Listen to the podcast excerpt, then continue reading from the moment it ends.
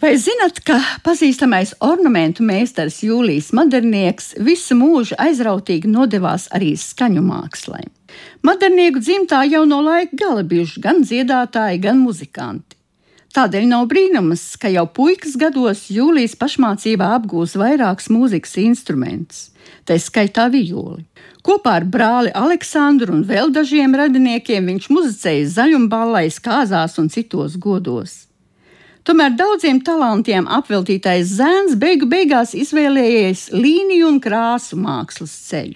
Kādu laiku viņš mācījies Rīgas amatniecības skolā, bet 1894. gadā devies uz Pēterburgu, lai iestātos Štiglits centrālajā tehniskās zīmēšanas skolā, kur izglītojušies daudzi vēlāk pazīstami latviešu mākslinieki. Arī šajā laikā jūlijā modernieka interese par mūziku nav mazinājusies, gluži otrādi. Pēterburgā viņš iepazinies un arī satuvinājies ar Jāzepu Vītolu, Emilu Dārziņu, Emilu Melngailu un Alfredu Kalniņu, ar kuru kopā patīrējis vienu istabu. Tieši pēdējā iespējā modernieks nopietni pievērsies mūzikas teorijas apguvēji un spēlējis violi Kalniņu pavadījumā. Katru vasaru topošais mākslinieks uzturējies savā dzimtajā pusē un joprojām muzicējis arī vietējā kapelā.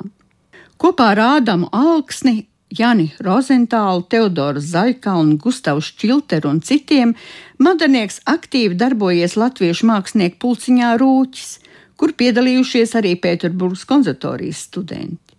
Daudz no pulciņu dalībniekiem tolaik dziedājuši Melngaļa vadītajā korī. Zīmēšanas studijas modernieks beidz ar izcilību un izpelnījies stipendiju komandējumam uz ārzemēm. Viņš dzīvojis Parīzē un Londonā, apceļojis Vāciju, Austriju, Beļģiju un Itāliju. Visur viņš apmeklējis koncertus, operas izrādes, mākslas izstādes un muzejus, kas devis jaunas zināšanas un impulsus pašamākslai. Ceļojuma laikā Vācijā 1899. gada 17.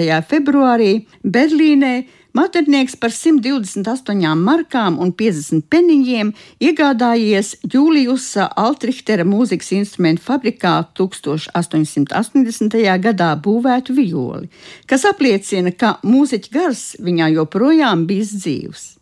20. gadsimta sākumā mākslinieks ar šo violi itin bieži uzstājies Latvijā lauku baznīcās ar Alfredu Kalniņu pie ērģelēm. Tagad tā atrodas Rakstniecības un mūzikas muzeja krājumā. Kad 1901. gadā Alfrēds Kalniņš studijas Pēterburgā pametis un atgriezies Rīgā, Neveiksmīgi bijuši tolaik vēl nepazīstamā komponista mēģinājumi gan atrast darbu, gan iesniegt publicēšanai savas pirmās solo dziesmas.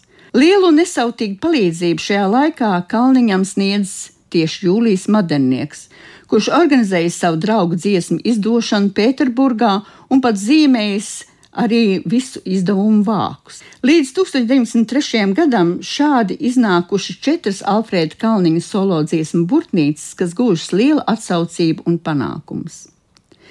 Mandenieks bijis vāga dizaina autors arī Alfrēda Kalniņa simfoniskajam tēlojumam Latvija, kas veltīts Latvijas pirmajam ministru kabinetam. Komponists savukārt savam uzticamajam draugam veltīs vairākas savas kompozīcijas, tā skaitā 1923. gadā sarakstīto gaiši izteiksmīgo viļņu miniatūru Elēģiju. Cieša draudzība Jūliju Madarnieku kopš studiju laika saistījusi arī ar Emīlu Melngailu, kurš par mākslinieku rakstījis neparasti sirsnīgus vārdus.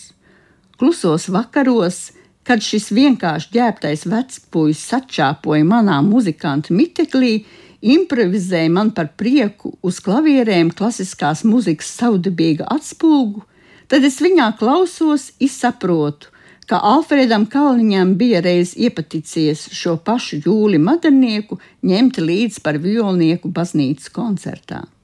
Komponists un mūzikas aprakstnieks Jānis Cirulis atceras, ka Melngālens viens no pirmajiem Rīgā uzsācis taksometru biznesu un mēģinājis iekļūt arī politikā.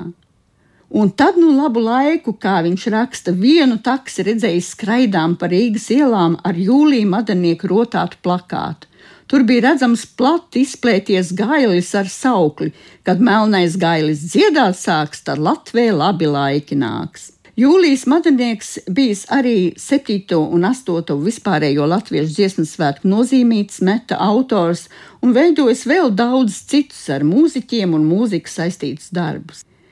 Madanieks bijis dziļš skaņu mākslas pazinējs un lietpratējs. Viņam par to bijuši arī savi uzskati.